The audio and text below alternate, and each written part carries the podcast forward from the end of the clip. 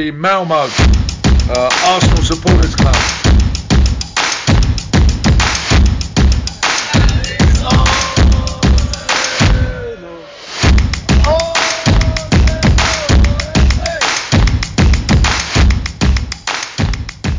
Då hälsar jag varmt välkomna till Arsenal Malmös podcast med mig Niklas Lindblad och Rickard Henriksson.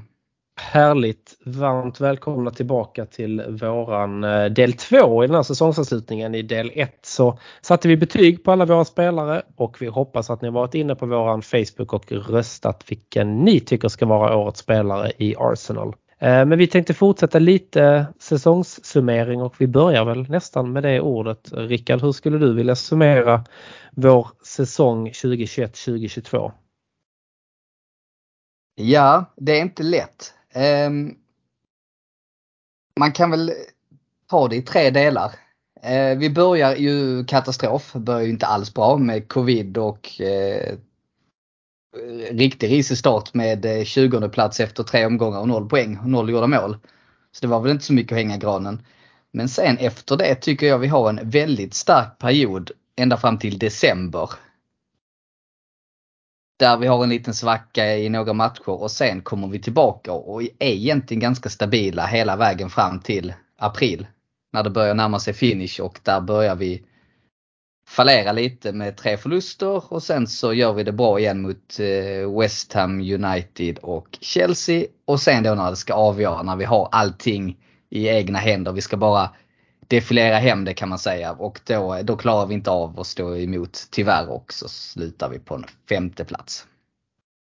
Ja, du summerar det ganska, ganska bra. Uh, Ska vi avsluta där eller? Ja precis. Tack så mycket. Vi hörs till hösten. uh, nej men det var väl uh, jättebra. Jag skulle också alltså det är en det är, eh, det är mycket toppar och också väldigt djupa dalar. Ehm, länge, alltså en, en svängig säsong. Jag tycker om man jämför med förra säsongen så kändes det ganska ja, liksom tidigt att vi inte är med i detta. Men här har vi verkligen varit med och kommit en bit på vägen vi pratade inför säsongen så tror jag att vi båda hade tagit en femte plats eh, på förhand. Vi har inte varit fullt nöjda, det är vi inte idag heller. Vi vill tillbaka till Champions League men vi har ändå kommit en bra bit på vägen.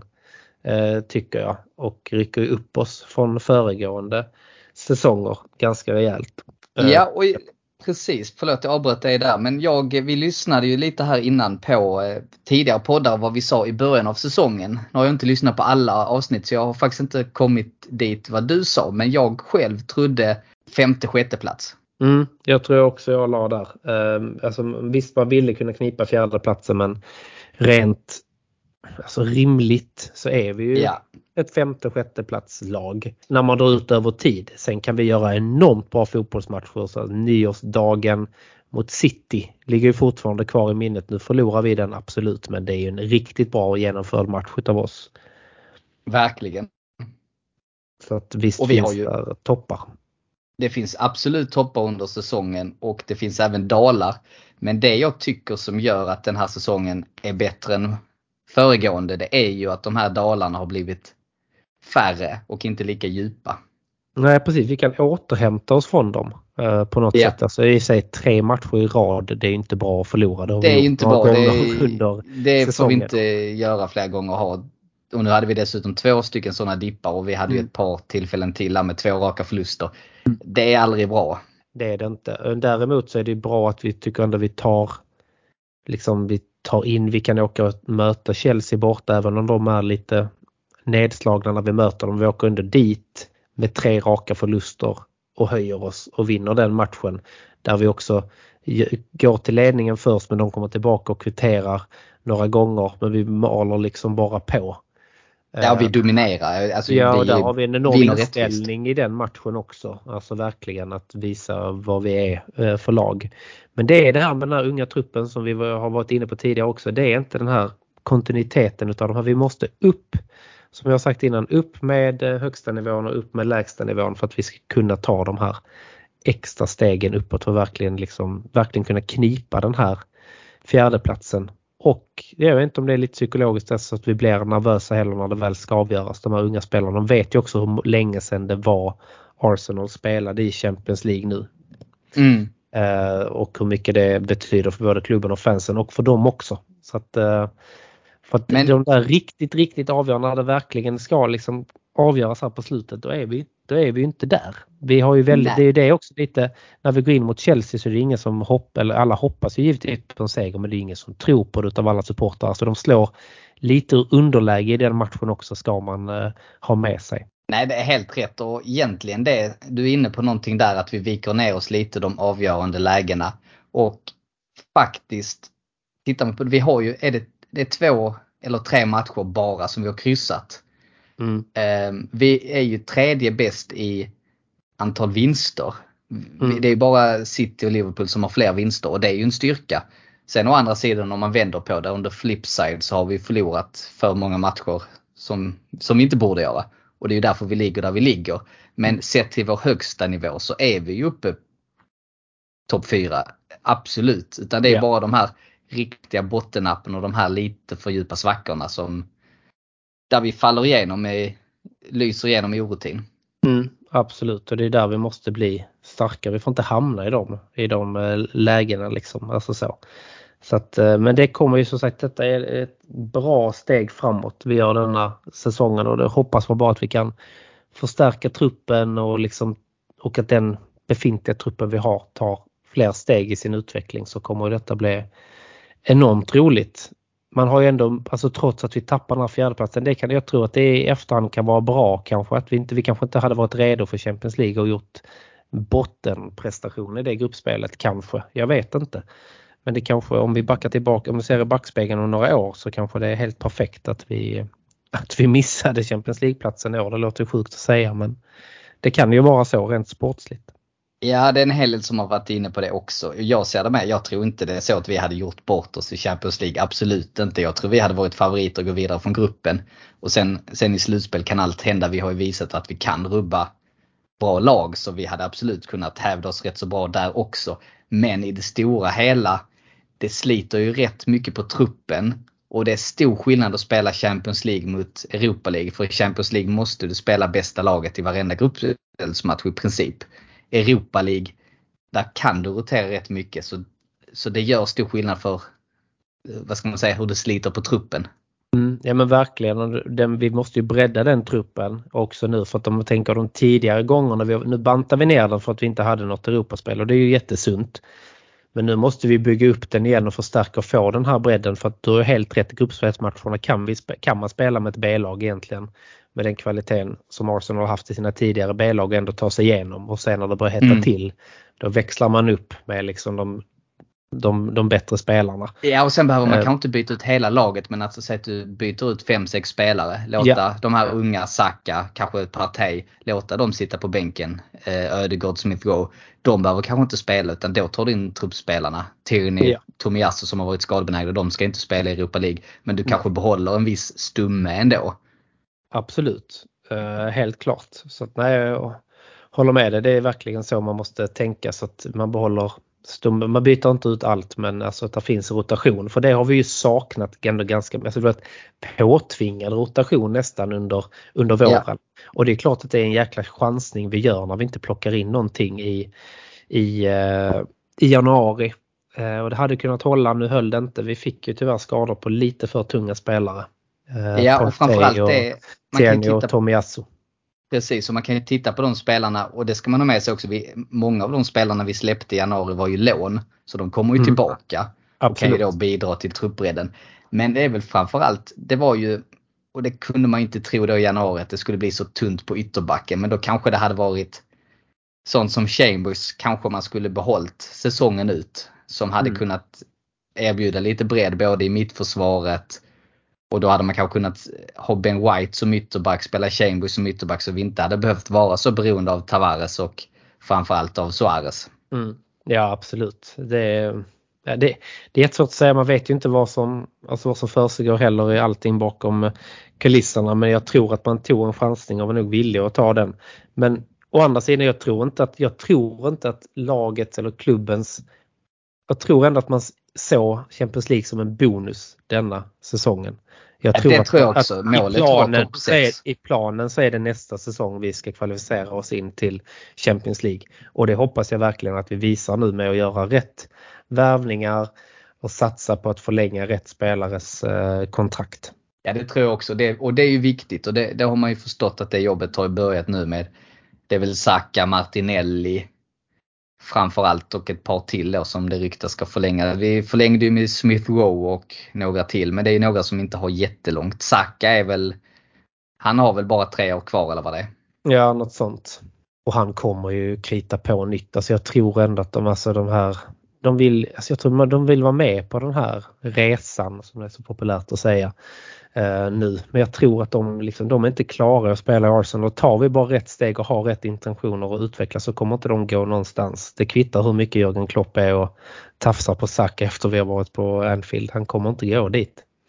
Inte nu. Nej, men däremot det finns ju lite rykten och sen så ska man alltid ta det med en nypa salt. Men som säger att Saka han älskar Arsenal, han vill jättegärna stanna. Men skulle det visa sig att projektet inte håller, Arsenal inte kommer till Champions League, så skulle han vilja ha en klausul. Kanske lik den som Grealish hade. 100 miljoner pund till ett Champions League-lag. Att han Mm. skulle få in en sån klausul i kontraktet. Sen å andra sidan, sen bara för att en klubb bjuder det, säg att Liverpool eh, aktiverar utköpsklausulen. Han är ju inte skyldig att gå för det. Han kanske vill Nej, stanna. nej. Ja, ja absolut. Och jag tror att just nu tycker de att hela det här projektet håller. Det är rätt, det är rätt riktning så det är i så fall om vi misslyckas nästa säsong och han möjligtvis att han skriver in en sån klausul. Det är ju fullt rimligt. Jag tycker det också. det Det ska man inte... en diskussion. Men just Ja. nu så vill han nog vara kvar i Arsenal, det är jag nästan säker på. Det tror jag också. Jag tror inte man behöver vara så orolig för att jag är, jag är ganska, med rätt värvning här i sommar så är jag ganska övertygad om att vi, vi slutar topp 4 nästa år. Det tror jag. Mm. Ja men det tror jag också. Men du är ju, har ju koll på värvningar och diverse konton på Twitter. Det har vi hört innan. Vad, vad tror du nu? Mm. Det är ju lite rykten i, i omlopp. Gabriel Jesus är ju en spelare till exempel. Eller något annat du har fått in på din radar? Alltså det är ju lite, det, det är lite olika. Sen så är, är det en hel del från eh, vissa bloggar och så jag följer som de är kanske mer skriver utifrån spekulativt och mer hur de analytiskt skulle vilja ha in. Mm. Och då är det ju lite blandade tongångar om Gabriel. Men han är ju den, eller Gabriel Jesus. Nu ska inte bli en till Gabriel, det blir för mycket. en Jesus då. Ja, nej men det är svårt att... Det sägs ju ändå att han är villig och han har varit, vi har varit i kontakt med honom och hans agent och han är villig att gå. Men alltså att City då skulle kräva 60 miljoner pund och det tror jag inte vi är villiga att lägga på en spelare som har utgående kontrakt. Eller han har ett år kvar på kontraktet. Så. Mm. Men han känns ju ändå som det hetaste namnet. Sen har det pratats lite om det med Abraham från Roma då, det tror jag inte heller för att han eh, ägs väl i praktiken av Chelsea fortfarande och de är väl bara lån med köpoption tror jag. Mm. Så det känns väl ganska svårt för vi måste förhandla med två klubbar. Får de de, en sälja spelare nu? Alltså, Ja det är ju en annan sak men de det- har ju redan gjort en deal med Roma. Att de, jag tror att de har köpt lån på två år med obligatoriskt köp efter två år eller något sånt. Ja, ja, så då måste de casha in då. Ja. Ja, så jag tror den dealen är redan clearad och sådär. Men eftersom han i rent praktiken fortfarande tillhör Chelsea så är det något sånt att vi måste förhandla med dem också. Mm. Och sen är det ju då eh, som jag gillar Dominic Calvert-Lewin. Jag gillar ju den här tanken på en två meter lång eh, nickspecialist Mm. i straffområdet eftersom vi kommer mycket till inlägg. Ja, vi har mycket fart och bra avslutsspelare rent med fötterna. Nu kan ju Calvin Lewis, eller kan han göra mål med fötterna också. Men eh, vi Ja. har ju, det, vi behöver någon som är lite vass på huvudet. Absolut. Jag tror ju tyvärr att det blir svårt och jag tror att för att det skulle bli verklighet hade nog Everton behövt åka ur för nu tror jag han kommer bli för dyr. Mm. hade de åkt, till champ, äh, åkt ner till Championship då hade de varit i ett litet annat läge. Absolut. Eh, och då hade de nog varit mycket mer benägna att släppa honom. Så jag tror det blir svårt. Så det känns ju ändå som det är det hetaste namnet. Det finns även han Viktor och Simien med reservation för uttalet från Napoli som det ryktas mycket om och lite andra spelare. Men svårt, det är tidigt, säsongen har precis slutat, fönstret Ja. har inte öppnat heller. Så att, men med det sagt, det är ju minst en anfallare som måste in och det, det kommer vi plocka in. Mm. Och sen då beroende på vad som händer med, vi får väl utgå från att Lacazette är borta. Ja, jag, jag utgår nästan från att både Lacazette och Pepe eh, är borta. Ja, Eh, och så Enketia. Enketia är ju lite om man lyckas överta, för att han kan- alltså jag tror inte vi kan satsa på honom och ha som första val liksom. Då Nej. är det ju kris att vi inte hittar någonting annat. Så att han gäller det att motivera till att vara fortfarande liksom backup-spelare. Ja, Men det kanske man kan motivera med att du kommer starta i Europa League-spelen så får vi se hur det går där. Alltså nu har vi fler matcher, det kanske kommer bli mer speltid. Eh, Sen har ju han uttalat att han vill ha kontinuiteten för att kunna prestera bäst och den kommer han inte få i Arsenal. Men eh, Nej, inte fullt ut. Han kommer nog Nej. få mer chanser än denna säsongen, absolut. Och sen speciellt då beroende på motstånd, att man kan varva lite. Om vi varvar in en spelare som är mer eh, Calvert Lewin-typen, som är lite mer en targetspelare. eh, Och Mm. inte lika giftig i djupled kanske. Sen tyckte jag att han har ju många kvaliteter så att jag Sen är det där med engelska landslagsmän, det blir ju väldigt dyrt. Så av Mm. den anledningen är jag skeptisk. Men jag har svårt att hitta ett bra alternativ. Jag kollar ju för lite fotboll numera utanför Premier League. Så jag har svårt att uttala mig om spelare som inte spelar i Premier League. mm. Jag vet inte hur, du, här. hur bra Nej, koll du har på andra ligor. Nej, man kollar väl, nej det är väl Champions League-matcherna man kollar liksom. Ja, Alltså så, eller har på eh, samtidigt som man viker tvätt eller någonting.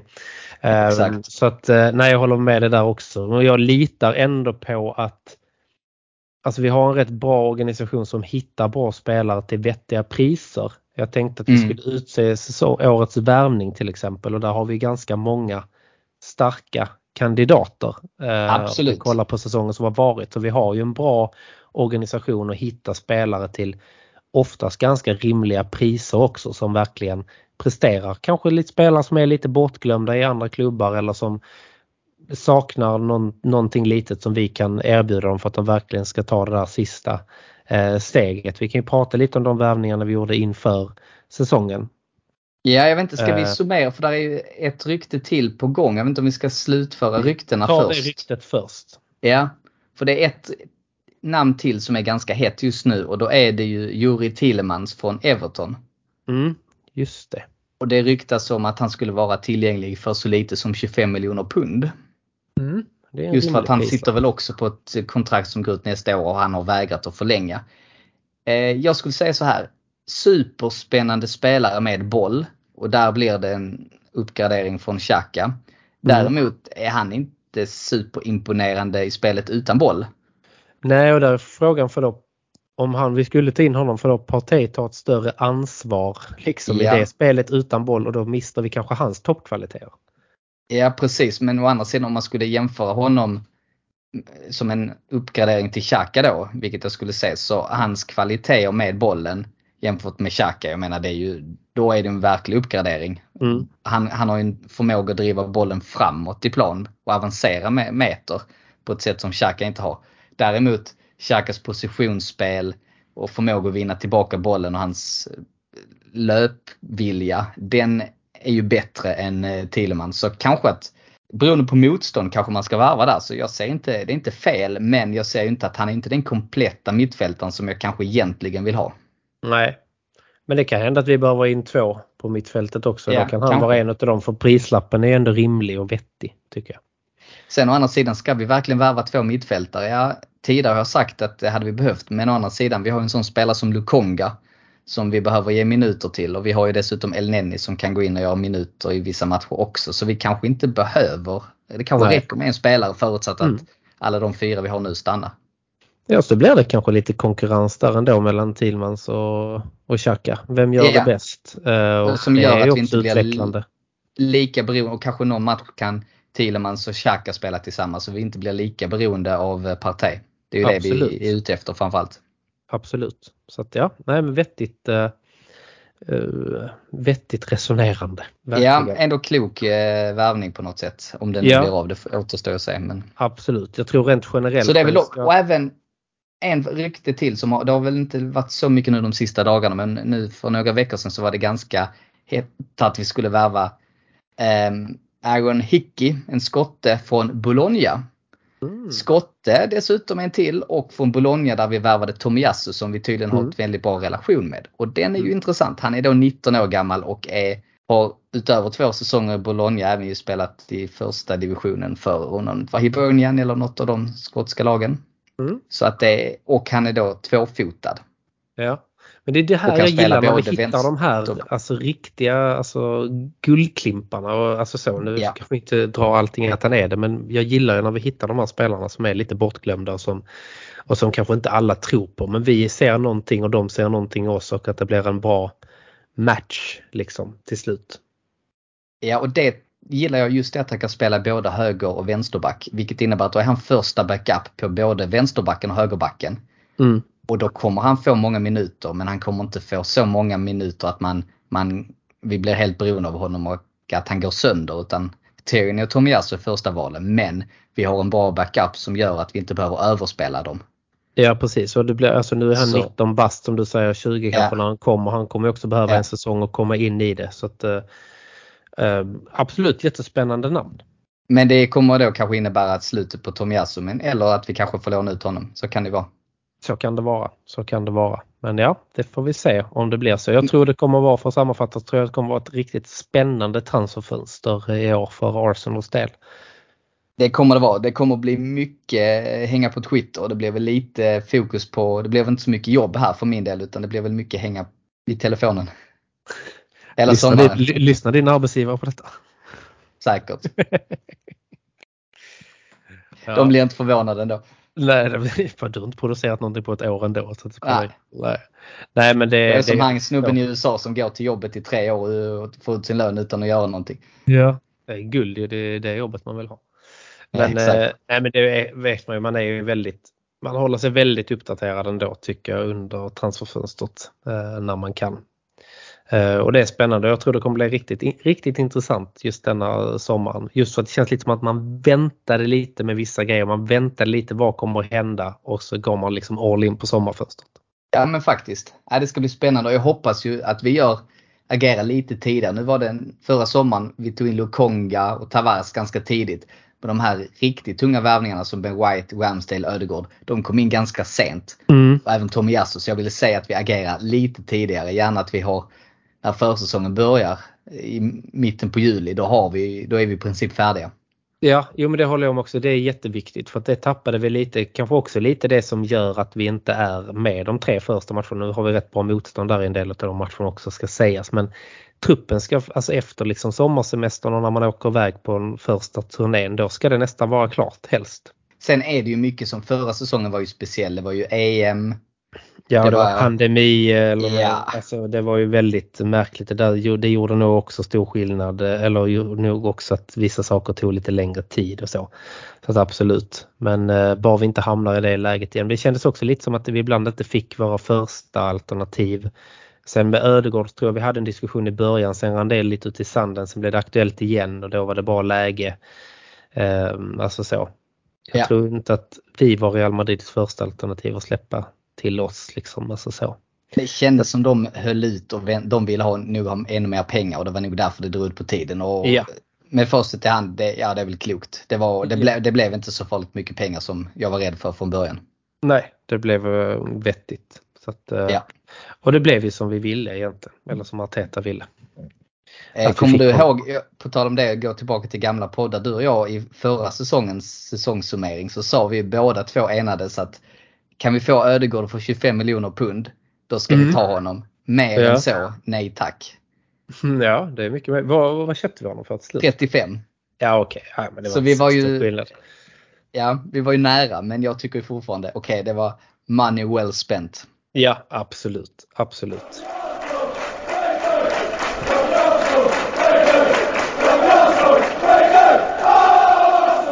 Arsenal Malmö är Malmös enda aktiva Arsenalförening och vi har matchträffar varje match på vår stampub Drumbar på Lilla Torg i Malmö. För endast 100 kronor för ett medlemskap får du fina rabatter i baren samt får ta del av våra medlemsaktiviteter under året samt en rad andra medlemsförmåner. Gå in på arsenalmalmo.se för att läsa mer om hur du blir medlem.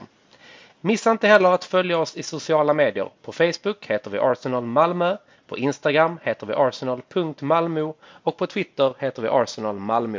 Välkomna till Arsenal Malmö!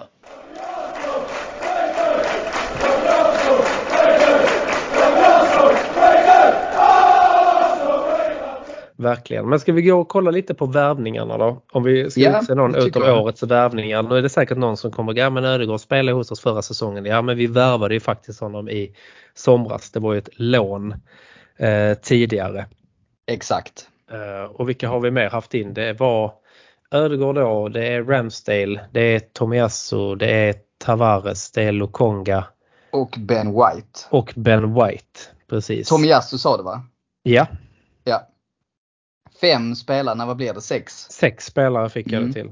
Bra värvningar eh, Mm. Generellt. Eh, Ja generellt sett så ska vi ändå vara, alltså det är bra värvningar. Sen är det vissa som kanske verkligen har tagit steget in direkt och gjort avgörande insatser. Och vissa som vi bara har fått provsmaka på lite som kan växlas in längre fram. Men summerat skulle jag säga fyra av sex värvningar är ju riktigt bra. Ja, det är ju Tavares och Lokonga som jag räknar bort där lite. Tycker jag i så Exakt. De övriga fyra är ju fantastiska värvningar. Allting Absolut. räknat. Ja, absolut. Och den största förvåningen för egen del. Jag vet inte om jag sa det här eller jag var med i någon uppstartspodd för Göteborg också men Ramsdale var det nog bara snack om då. Där var jag lite osäker, alltså jag såg inte han som en första målvakt. Kostade också lite pengar.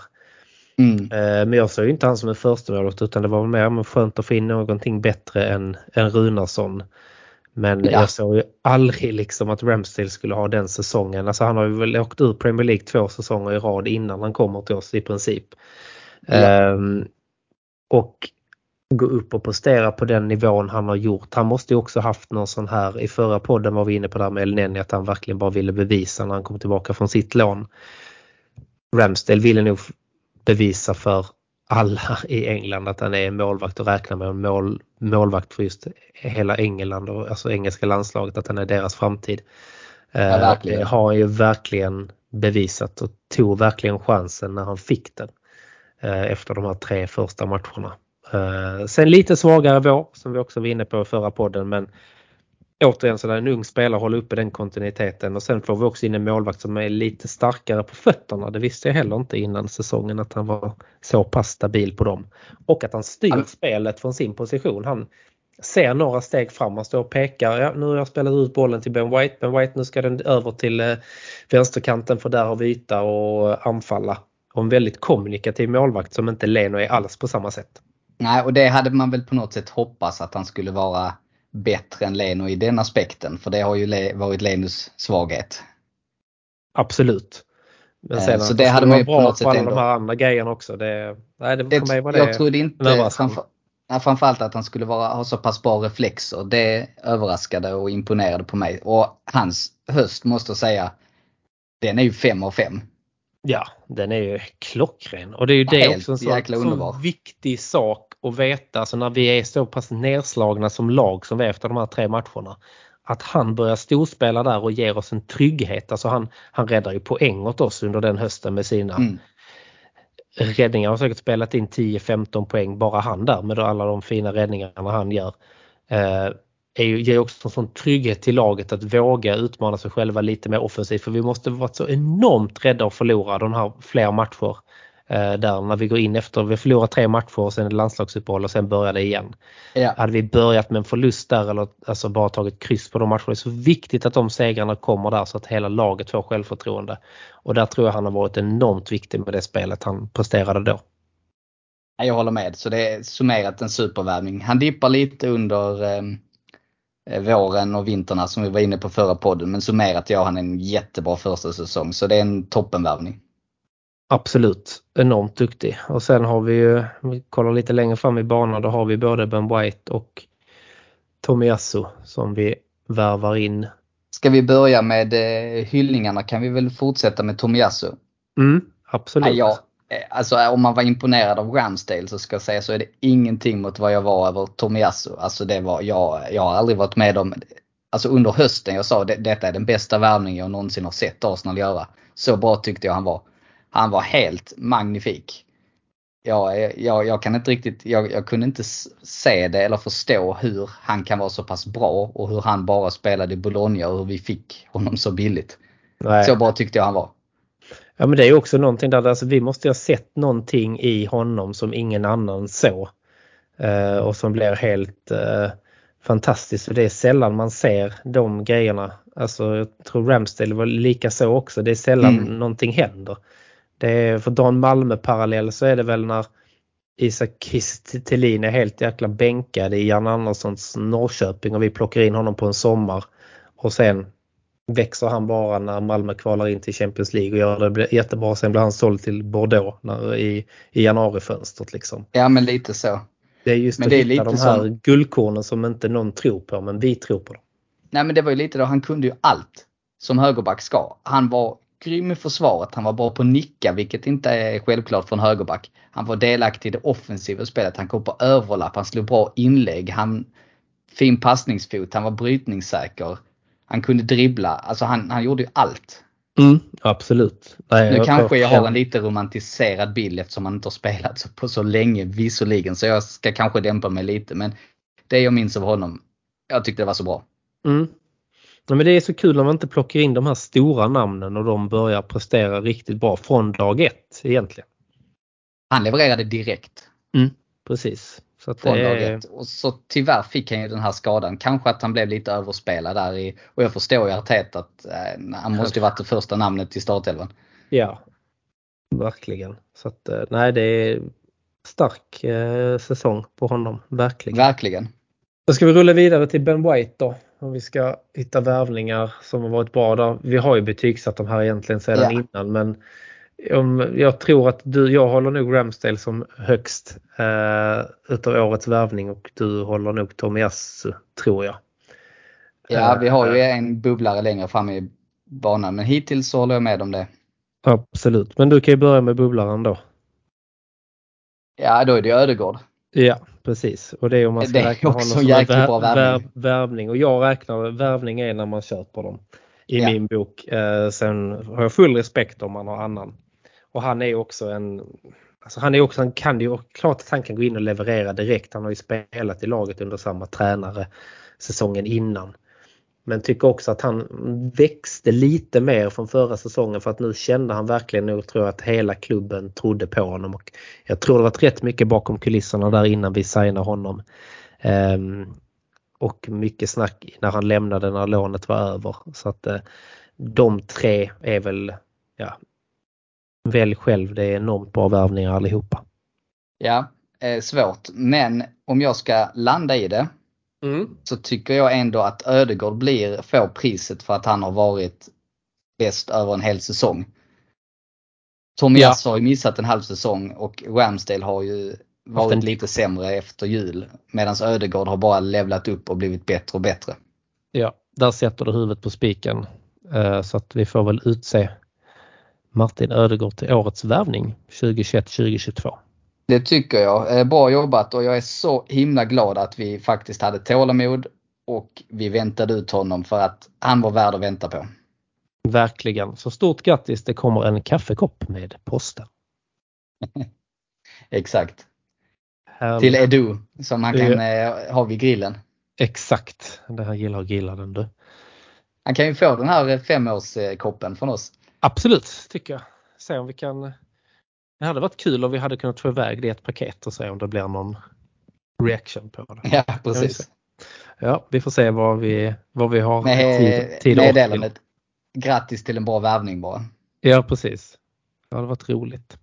Eh, men eh, vi, vi ska prata mycket roliga grejer men vi har ju en tråk, ett tråkigt pris som vi ska dela ut också. Det är årets besvikelse. Som jag tänker att vi rullar vidare på. Och det behöver inte vara en spelare heller utan det kan bara vara någonting som har med säsongen att göra. Har du några spontana tankar om vad som varit din Ja, jag har väl några bubblar. Jag tycker en sak som är tråkig, det är ju framförallt om man ska kalla den här online-fansen och deras ständiga negativitet som förpestar internet om man får säga så. För att lyssnar du på, nu har inte jag tyvärr varit över denna säsongen av olika anledningar. Ehm, men man har ju förstått och man märker ju stämningen på läktaren är ju fantastisk. Det har hänt någonting, det finns en optimism och tro på laget och en, jag ska säga supportrarna är enade på ett sätt som jag inte har upplevt på många år. Och då blir man ju väldigt irriterad när man har, hör de här. Och det är ju egentligen det är ju eh, internetsupportrar som inte är på arenan utan gömmer sig bakom sin skärm och bara skriver massa skit och skapar negativ stämning. Jag tycker det är väldigt tråkigt. Absolut, jag håller med dig. Alltså, det är jättetråkigt för att det är verkligen något positivt på gång. Nu har inte jag heller varit över det har varit pandemi och allt möjligt. Det var på väg men fick avbryta resan. Det var ju så. Vi skulle, alltså så, vi skulle ju åkt i mellandagarna men då stängdes det ju igen. Och, eller det var väl möjlighet att åka men vi fått sitta i karantän i några dagar så det var inte riktigt värt det. Och sen blev ju matchen inställd på grund av covid-smitta i Wolves. Blev dessutom, det också. Så det var väl tur vi inte åkte. Lite enklare att ställa in, in det då. Ja. Men just det här om man ska fokusera på det positiva så är det verkligen att dels är ju fansen mer enade och mer positiva än tror på laget igen. Men också liksom här connection när man ser mellan fansen och laget. Borta mot Aston Villa till exempel. De står med och sjunger laget alltså väldigt nära och går och tackar på ett annat sätt. Mm. fansen de förstår och Arteta nämner det i presskonferenser att det, det känns, och vi har ju klagat, eller inte klagat, eller jo det har vi gjort, men tidigare år har vi pratat om att ja, det är så långt ifrån klubbledningen, de integrerar inte med fansen tillräckligt. Nu går ju laget fram och verkligen vill integrera mer med eh, fansen och det nådde väl kulmen kanske med den här The Angel-låten under mm, ja, verkligen. där man verkligen klubben och fansen närmar sig varandra och där fansen kan pusha på någonting och klubben lyssnar och tar efter. Eh, så det är ju det positiva men jag tycker också årets besvikelse är det är så tråkigt med alla och de finns i varenda land. Det är bara negativt, negativt att fokusera. Släpper vi in 1-0 i femte minuten så är allting skit. Alltså det går att vända en match om man ligger under med 0-1 efter fem minuter.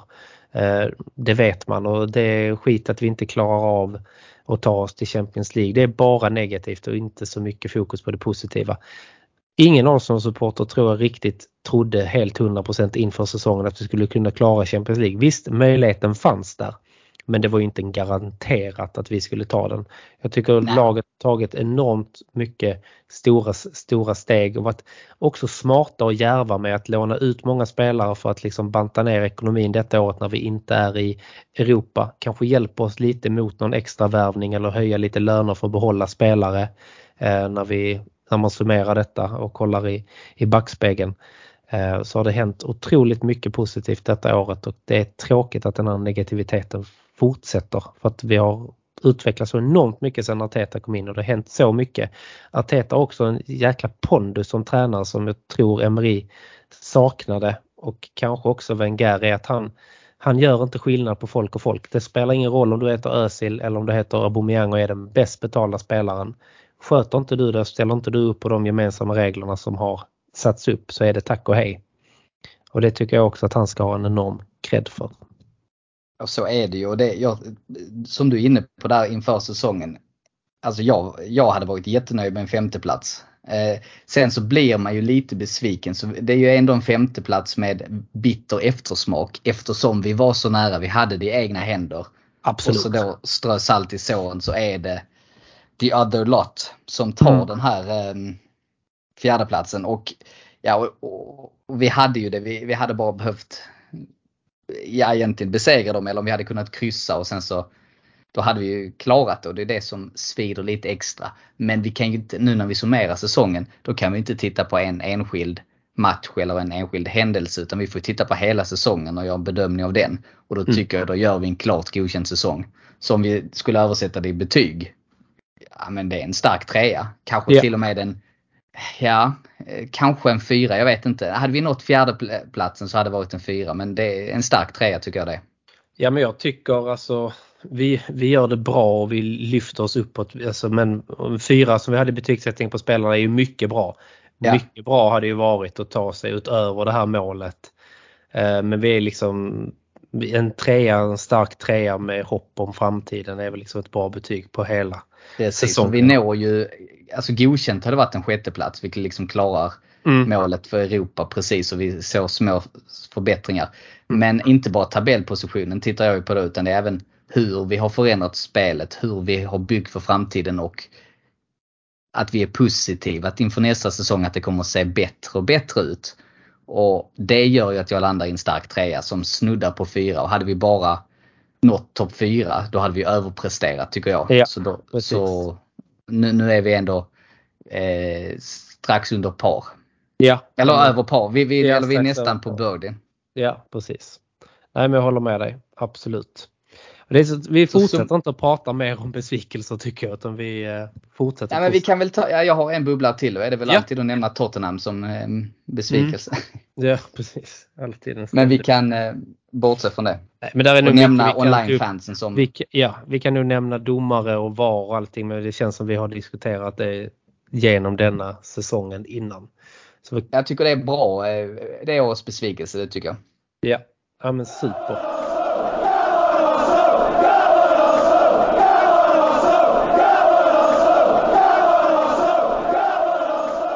Men vi har ju några priser till på den här galan. Det är ju årets, årets match. Jag tänkte också innan vi går och avslutar med en liten lista.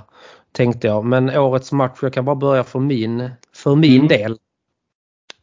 Det man vill är ju att Arsenal ska ta de här stegen och verkligen börja prestera mot alltså topp eh, top 3, topp 1 och topp 2 och verkligen liksom kunna våga spela ett eget spel. Våga gå för det lite och inte anpassa sig så mycket ut efter motståndaren.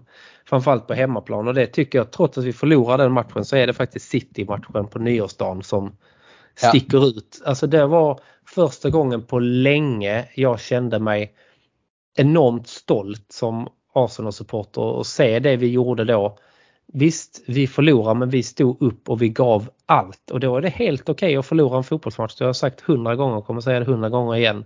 Men vi spelade riktigt bra fotboll i den matchen. Och det har man ju hört andra supportrar som såg den matchen också säga liksom att shit det här var verkligen bra. Och kan vi prestera det spelet fler gånger under nästa säsong med en bredare trupp då blir vi riktigt farliga. Det var, alltså där tycker jag i första matchen verkligen, det har tagit tid men där Arteta verkligen visar att han, han har någonting och vi har någonting som kan bli riktigt, riktigt bra och riktigt intressant. Så det är faktiskt Ja. match, match för mig trots att det är en eh, förlustmatch. Men jag håller med dig och du är inne på någonting. Jag, jag hade också den som eh, alternativ. Jag har en bubbla, jag ska komma till den strax. Men lite för att fylla i det du säger att eh, där visade ju att vi var ju bättre än City den matchen. Vi förtjänade inte förlora, vi hade lite otur med domsluten och sådär. Kanske att vi viker ner oss i slutet, fine. Vi fick ett rött kort. Men alltså i första halvlek, vi spelar ju så pass bra så att det är ju det är ju utan tvekan den bästa insatsen rent fotbollsmässigt som vi gjorde under, under året. Absolut, eh, verkligen. Och sen är det som du säger, visst vi blir en man mindre, blir lite passiva där men där, jag tror att vi, vi skakade City i den matchen. Ja, och även med 10 man gör vi en väldigt bra insats. Absolut, det gör vi. Nej, för mig är den Men- verkligen, den sticker ut. Jag, jag har en bubblare faktiskt och det tyckte jag framförallt för, och det var ju då, vi, det var tidigt på säsongen. Det var hemmamatchen mot Tottenham. Vi hade ju börjat tungt och sen när den här matchen kom så hade vi ju då fått några matcher i ryggen. Det var väl match 7 eller någonting sånt, 6 kanske. Och vi faktiskt går in och fullständigt spelar ut dem och efter noter skulle jag säga. Vi kör över dem. Kanske inte så mycket målmässigt, jag tror det blev väl 3-1 eller något sånt där. Men vi är så mycket bättre. Vi verkligen Vi har väl typ Ja, 3-0 i halvlek tror jag. Ja precis, vi bara visar vi är ju så mycket bättre. Det var fullständig lekstuga och överkörning. Så den vill jag lyfta som ett alternativ. För då, det är ju lite för att det är Tottenham också såklart. Men det visar ju, det är ju de här stora matcherna, det är då vi ska visa. Och det gjorde vi i den matchen. Absolut, Nej, men jag håller med. Jag hade också, det var de två jag satt och funderade på. Eh, absolut, och de är, det minns man ju också den matchen. Alltså det är ju alltid härligt att slå dem. Så att eh, det är, eh, nej det, är, det, det var också en riktigt bra, en riktigt bra dag, verkligen. Så att vi kan ju övrigt- prestera. Ja men och sen i övrigt, det är ju mycket uddamålssegrar. Det är klart vi har gjort stabila insatser. och Så där. Vi hade väl någon där vi tvålade till Leeds rätt så ordentligt. Men annars är det väldigt mycket uddamålssegrar där vi kanske inte var super bra på det sättet. Men vi Wolves är väl en sån match hemma där vi vänder på slutet eller avgör. Vi vänder, de leder väl med 1-0 och vi vänder till 2-1. Det är också en riktig moralboost. Liksom. Ja men spe- vi spelar ju inte så himla bra i den matchen. Nej, men vi ens vinner ändå den. Nej men Ja. vi ändå, det är också en, en, ett tecken på att någonting börjar vända. Att vi får med oss poäng och framförallt tre poängar när vi kanske inte riktigt spelar på topp men vi sliter och vi får ändå med oss det där. Det är också en, någonting som, alltså man bara backar till band, backar bandet några år så var det liksom, ja nu gjorde de 1-0 på oss. Det finns inte en chans att vi vänder den här matchen. För den mentaliteten Ja. fanns inte. Okej, liksom samla ihop oss. Vi har en dålig dag idag men vi ska fan kämpa hela vägen in. Och det ger också extra poäng. Ja men faktiskt, det är ett bra alternativ och det, det var ju också en riktig moralboost. Verkligen. Sen är det ju också dippar men de behöver vi faktiskt inte ta, ta nu när vi mår så bra. Men då är Nej, vi överens vi om det. årets match. Att det är City hemma nyårsdagen. Jag tycker det. Ja, härligt. Gött. Då har vi eh, lite, lite kvar. Vi brukar ju försöka utse tre kanoner och tre toalettsitsar. Ja. Och ska vi börja med, ska vi börja med toasitsarna? Eller avsluta med kanoner kanske? ja men det kan vi göra och jag har ju ett bra alternativ och då sa du att vi det kunde vara både spelare och det kunde vara lite allt möjligt. Ja absolut, här får vi tänka, tänka fritt. Ja, då kan jag utse, då tycker jag den första ska vara PP. Flash him down the toilet Mm. direkt. Skicka iväg. Ja absolut, ja, men den håller jag med dig också om att eh, det, han, han har fått sina chanser nu. Och eh, han trodde man så himla mycket mer. Men det är just den inställningen, alltså man har inte sett att han har velat det på, på planen utan det är liksom bara Han vill bara gå i sommar känner jag. Så att den håller jag med om. Mm. Um, sen är ett alternativ som vi var inne på det är alltså alla domarinsatser som har varit. Alltså just Ja. den här ojämnheten i bedömningen att det är en match så är det rött kort. I den andra matchen är det ingenting. Det är liksom ingen liksom rak linje i domslut och man blir så fruktansvärt irriterad. Och Harry Kane får göra som han vill, Maguire får göra som, som han vill, Xhaka eh, gör samma sak, det är rött direkt. Alltså det är så, ja, det är ofantligt låg nivå Ja och då har vi Eh, inte ens på börjat prata om sån. Nej, och vi har inte ens börjat prata om VAR egentligen heller för det har, Nej. de, det har de till sin hjälp. De ser de här grejerna eller kan se men de väljer att liksom se mellan fingrarna eh, vissa gånger. Det är enormt dåligt. Där måste, måste Premier League bli bättre. Ja jag läste någon statistik som sa att för Arsenal gör 77 fouls per gult kort. Mm. Och Burnley gjorde typ 670 fouls Ja. per gult kort. Alltså, Ja. Där, visst det är klart, de, nu spelar de på ett helt annat, de är mer fysiska och kanske lär sig ligga mer över gränsen. Men det säger ju någonting. Och jag hade inte tyckt det här var relevant om det hade varit enstaka förseelser.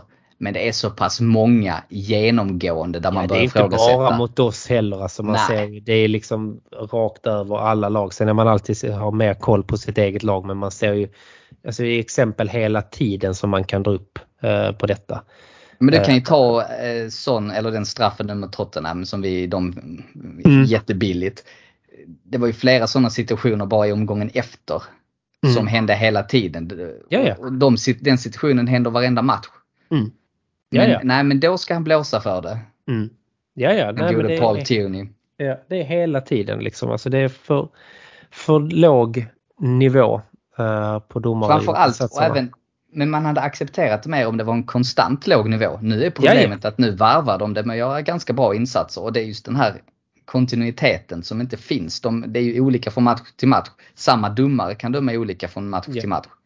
Det håller inte. Jag tror man måste ta ett centralt varum. Du utbildar en tio gubbar som bara sitter i en bunker Mm.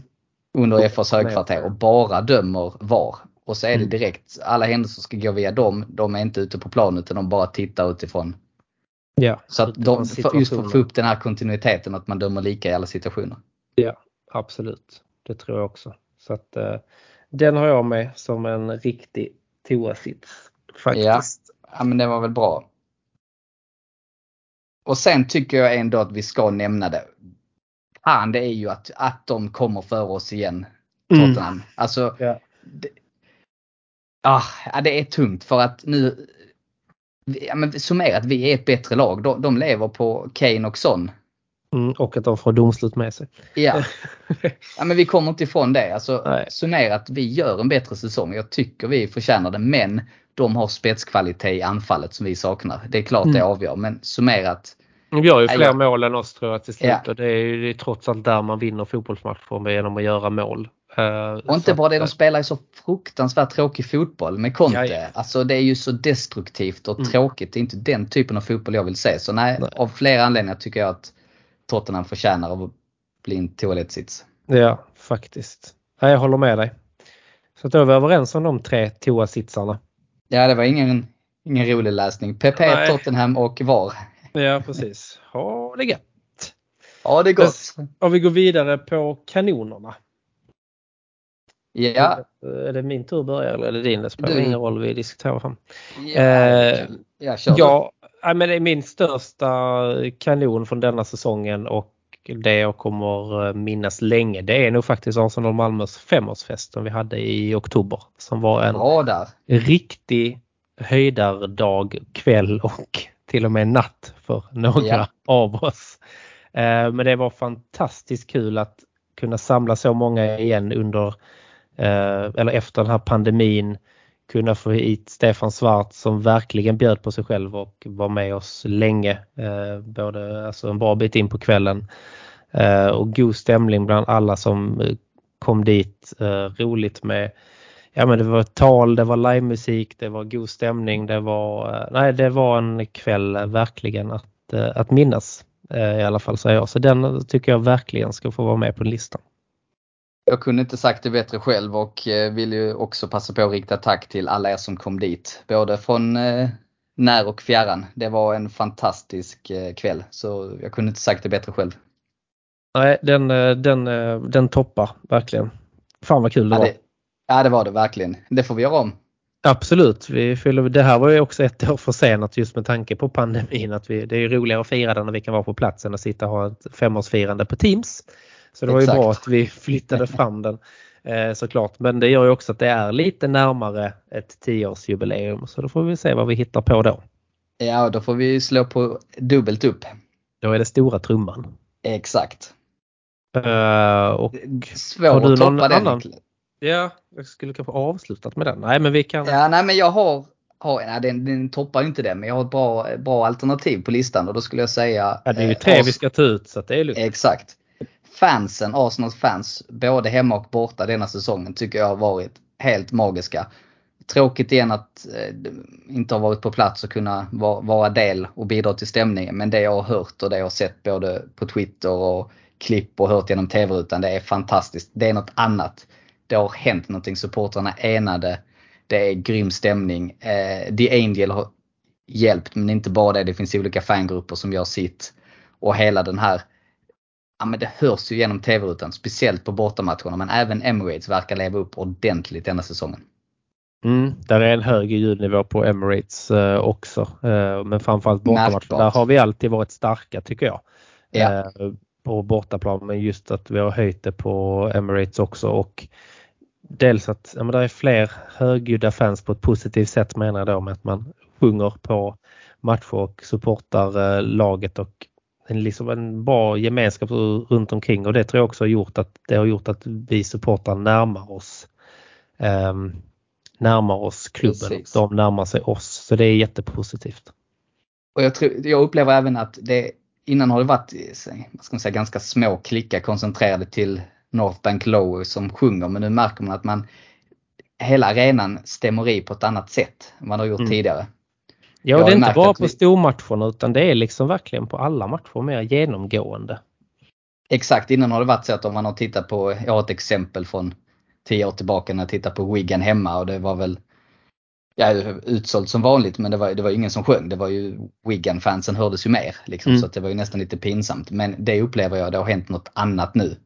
Hela, hela arenan lever med på ett annat sätt och det tror jag gör att du har fått grupperingar på fler håll på arenan som sjunger, inte bara allting ska gå igenom block 6 på Northbank. Nej, nej men jag håller med. Det är, mm, det är, verkligen, eh, ja, det är verkligen kul. Det, och det hoppas man att man får möjligheten nu att åka över också och vara en, en del av det. Ja och även då The Angels, som, eller North London Forever som det nu har börjat heta på Spotify också. Den är också en bidragande orsak som jag även vill ha med där för jag tycker den är grym och den är fantastisk. Så att den går väl lite in där i supportarna tycker jag. Absolut, det håller jag med om. Då har vi en, en eh, kanon till. Eh, och jag skulle nog vilja lyfta fram ändå Mikael Arteta som jag tycker symboliserar nästan mycket av det vi har pratat om. Han symboliserar en supporter i det hjärtat han har för klubben. Han symboliserar historien som vi har med tanke på att han har varit spelare och står också upp för att tot, eller för Tony Adams gamla citat att ingen, namnet är på ryggen är aldrig större än det du har på bröstet. Mm. I sin eh, liksom hur han, han leder laget och spelarna. Och symboliserar också en framtidstro på någonting, någonting nytt. Um, tycker jag att vi får in i honom. Och är att förglömma en perfekt frisyr dagligen. Ja det får man ju säga, han ser ut som en eh, legogubbe.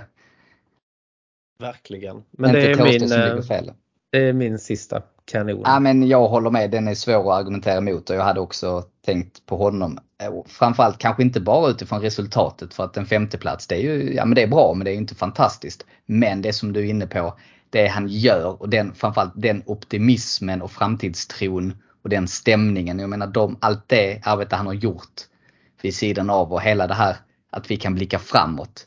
Det gör att jag tycker att han ska ha all cred. Och jag vill inte höra någon nu som skriker Arteta out för att då tycker jag, då, då har man inte förstått. I min Nej, då har man inte förstått hans vision och att hans lite så här skynda långsamt. Eh, tror, ja. Eller tycker jag också att han, eh, att han eh, står för på ett, eh, på ett bra sätt. Det är klart att vi alla hade velat spela Champions League nästa säsong, absolut. Men jag tror backar vi bandet om någon säsong så kan detta vara, vara bra för oss. För att vi, nu är det spelare som tror på detta och han kommer hålla kvar dem en säsong till och kunna fortsätta utveckla både dem och som individer och laget i stort. Så att eh, Arteta har min fulla, mitt fulla stöd.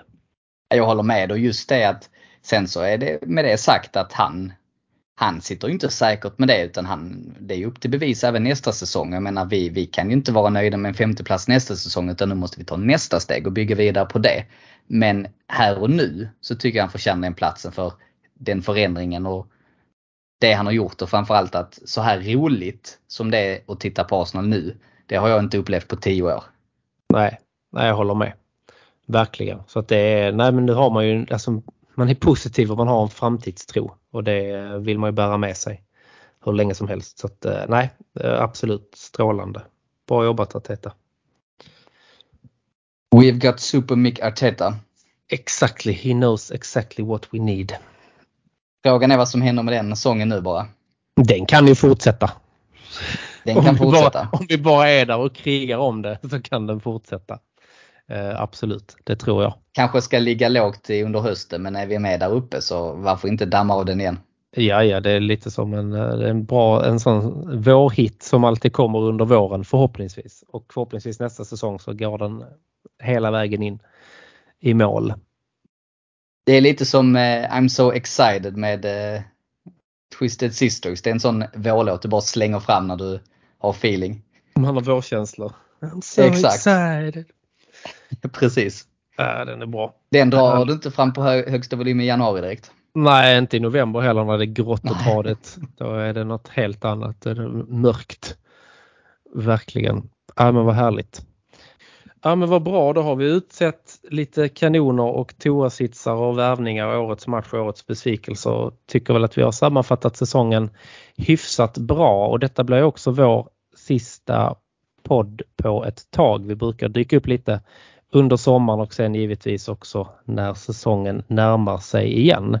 Så att det återstår väl egentligen bara för oss att tacka oss själva tycker jag att vi kan kosta på oss en dag som denna och också tacka alla jag. som har engagerat sig i eh, podden som ställer upp på att spela in sent på vissa kvällar och tar sig tiden att eh, vara med och eh, gästa oss. Det är alltid kul att få er input. Och sen tack också till alla som är, deltar i eh, Arsenal Malmös matchträffar och gör det till någonting roligt och en stor härlig gemenskap. Vi hoppas att ni fortsätter vara med och lyssnar på oss till hösten, fortsätter att komma på våra matchträffar och eh, som sagt denna podcasten går uppemot 100 avsnitt snart så att eh, då ska vi också försöka göra något roligt utav det. Så att så skulle jag vilja sammanfatta det Rickard. Har du någonting mer du vill tillägga innan vi stänger den här tredje säsongen utav Arsenal Malmös podcast? Jag tyckte du sammanfattade det väldigt bra men du missade det absolut viktigaste och det är givetvis ett stort tack till alla ni som har lyssnat och varit med oss under säsongen. Absolut. Absolut, självklart. Det är för er vi gör den. Så att, det kommer vi fortsätta göra. Och ibland lite för oss själva också, rent terapisnack när det är sådana. Men jag hoppas att ni har nytta av det där terapisnacket också, ni som lyssnar givetvis. Det är ju lite lättare att bearbeta en tung förlust när man får chans att snacka om det och ventilera sina åsikter. Absolut, så är det. Men vi avslutar väl med det och tack alla som har lyssnat. Tack alla som har varit med i podden denna säsongen och på återhörande under sommaren. Så tack så mycket Rickard så, så hörs vi längre fram och hoppas att det blir någon golfrunda i sommar. Det får vi hoppas och tack för att ni har lyssnat så hörs vi om några veckor igen. Ha det gott!